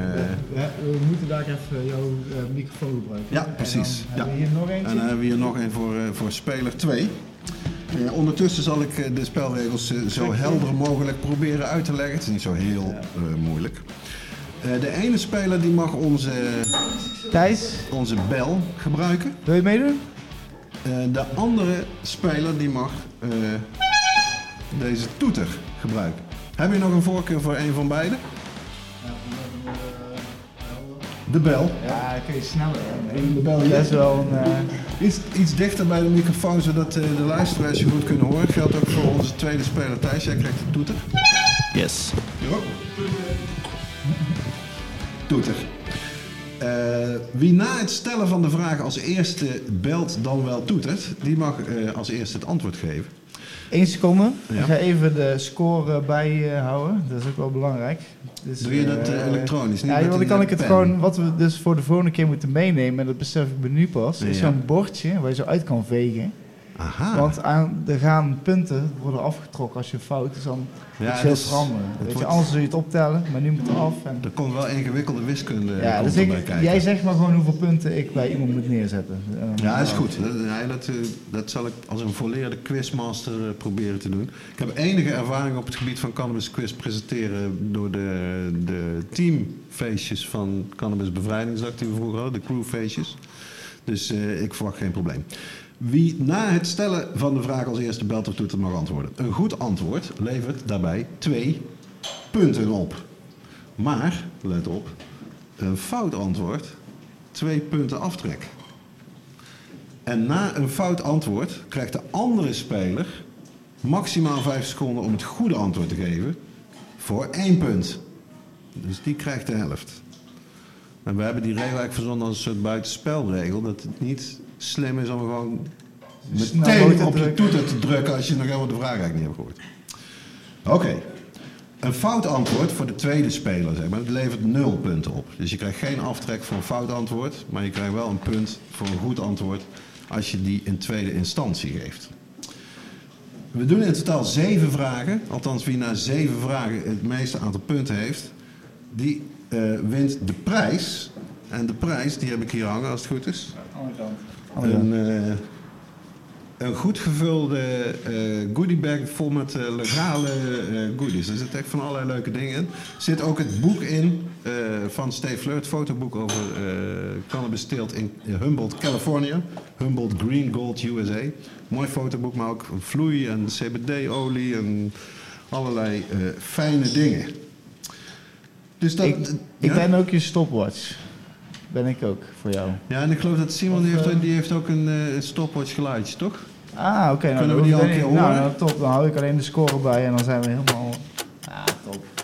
We hebben echt een professional langs ons, dat scheelt hè. Dat eh, klinkt om de spanning extra op te voeren. Ja, erg goed. Ja.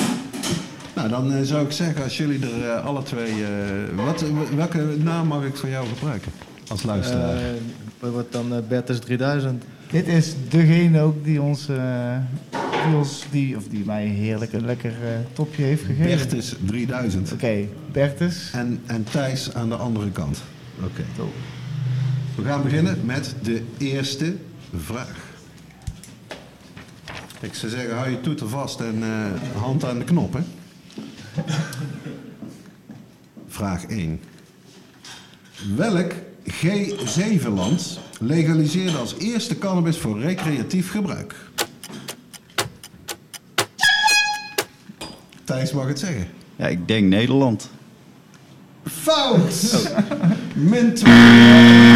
Min 2 voor Thijs. En dan krijgt hij vijf seconden om... Nou, mag vijf seconden nog nadenken, Bertus. Voor het goede antwoord op de vraag welk G7-land legaliseerde als eerste cannabis voor recreatief gebruik? Ik weet het niet. Oh, wacht. Mag ik eh, alsnog zeggen? Ja, Nee, dan laten de regels eh, helaas niet toe. Want ik weet het volgens mij wel. Weet iemand uit de zalen misschien? Murat? Nee, het is Canada! Oké, nou dus... Ja, eh, we zien, je ziet dat het niet eh, de min, makkelijkste... min twee punten voor, eh, voor Thijs is tussenstand en nul voor uh, Bertus. Komt de tweede vraag. Is meer lokaal. Hoeveel coffeeshops zijn er op dit moment open in Eindhoven? Oeh, Thijs. Elf. Dat is het goede antwoord. Hij staat er op nul. Hij staat er op nul. De stand is weer gelijk.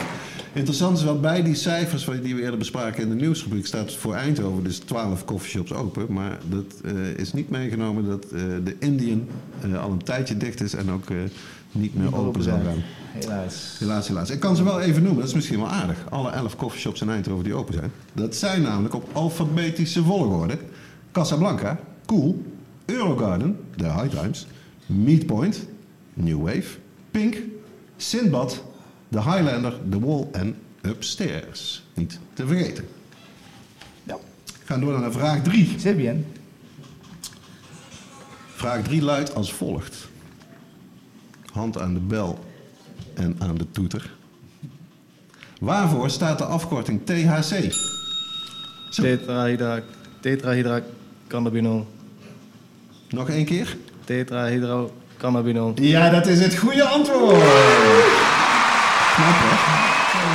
Tetrahydrocannabinol. Twee punten voor Bertus 3000. En wij gaan door naar vraag 3. Op welke... Nee, vraag 4, sorry. Nee, wel vraag 3. Alleen je hebt... Nee, we Oh, zijn bij nee, ja, sorry, sorry, sorry. vraag 4. Vraag 4. Op welke datum begint de aanloopfase van de wietproef in Breda en Tilburg?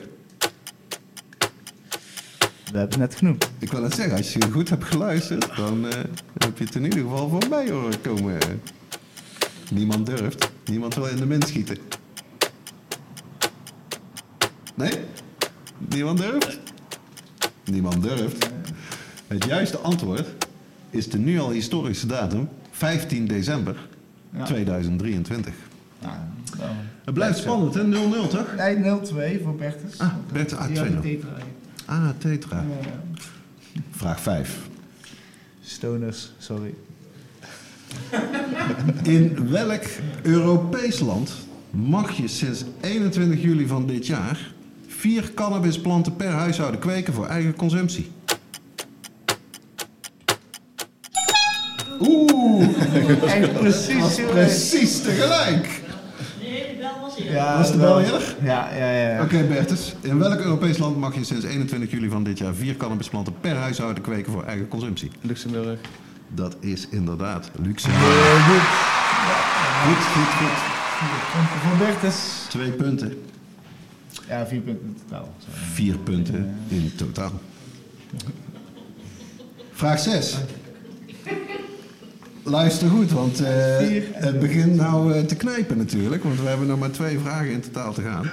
Tenzij jullie gelijk eindigen, want dan doen we een shootout vraag. Maar dit is vraag nummer 6. Nederland gaat een Europees land helpen bij het verkennen van een toeleveringsketen van medicinale cannabis. Welk land is dat? Nederland gaat een Europees land helpen bij het verkennen van een toeleveringsketen van medicinale cannabis. Maar welk land is dat? Dat is moeilijk, hè? Malta. Ik vind het wel stoer dat je het niemand durft. eh, durft. Absoluut, ja, je durft wel te gokken. Maar in dit geval net ernaast. Dus twee punten eraf, want... Oh nee, je Oh, bent- oh, oh, nog oh, vijf niet seconden. snel. We hebben voor Bertus nog de, de rebound mogelijkheid. Nou, ik zou het niet weten. Geen idee. Nee, dat is niet het juiste antwoord. het juiste antwoord is namelijk het land van eh, Zelensky, Oekraïne. Oekraïne. Ja, for real. Ja, voor de oorlog, voor meer, eh, voor de PTSS en zo. Dus het is Exactly. wel heel mooi. geval. Oké, dan komen we toe aan de, de zevende en laatste vraag alweer van de Cannabis Quiz. Wie het weet mag het zeggen. En die luidt als volgt. Welke wietsoort ontleent zijn naam aan het stinkdier? Ah, Een fractie eerder was Thijs. Skunk. Zeer goed. Twee punten voor Thijs. Thijs, maakt de uiteindelijke uitslag 0 punten voor Thijs. Maar dat is ook weer netjes. Niet in de negen. En maar Niet in de min. Bertus, gefeliciteerd. Je hebt de eerste quiz met 4 punten voorsprong gewonnen. Dus, Geweldig. eh, En, Van eh, harte gefeliciteerd. bedankt voor het Applausje. meedoen ook, zeker. Applausje voor Jullie deze bedankt. winnaar. Eerste Gutenberg. Gevuld met eh, legale goodies. Dankjewel. Hè. Van harte. Zo. Zo. Ja. Zijn we rond, hè? Dirk, daar zijn we, daarmee zijn we aan het einde gekomen van de eerste High Tea podcast live at the High Times. En eh, ik wil eh, Dick ontzettend eh, bedanken en het hele High, Teams, High Time team voor hun gastvrijheid en hun inzet om deze middag mogelijk te maken. Zeker weten. Bedankt natuurlijk aan Simon, onze technisch wonder en probleemoplosser en geheugenkaart thuisophaler. Kom vooral naar een van de andere drie eh High Tea Podcast live at High Times die we gepland hebben. Ik zoek de data er eh, eventjes bij. Namelijk 15 oktober aanstaande, dat is een zondag. eh, 19 november aanstaande, ook een zondag. En de zondag 21 januari volgend jaar 2024. Elke keer vanaf 3 uur. Er zijn eh, heerlijke gratis hapjes, scones, cake.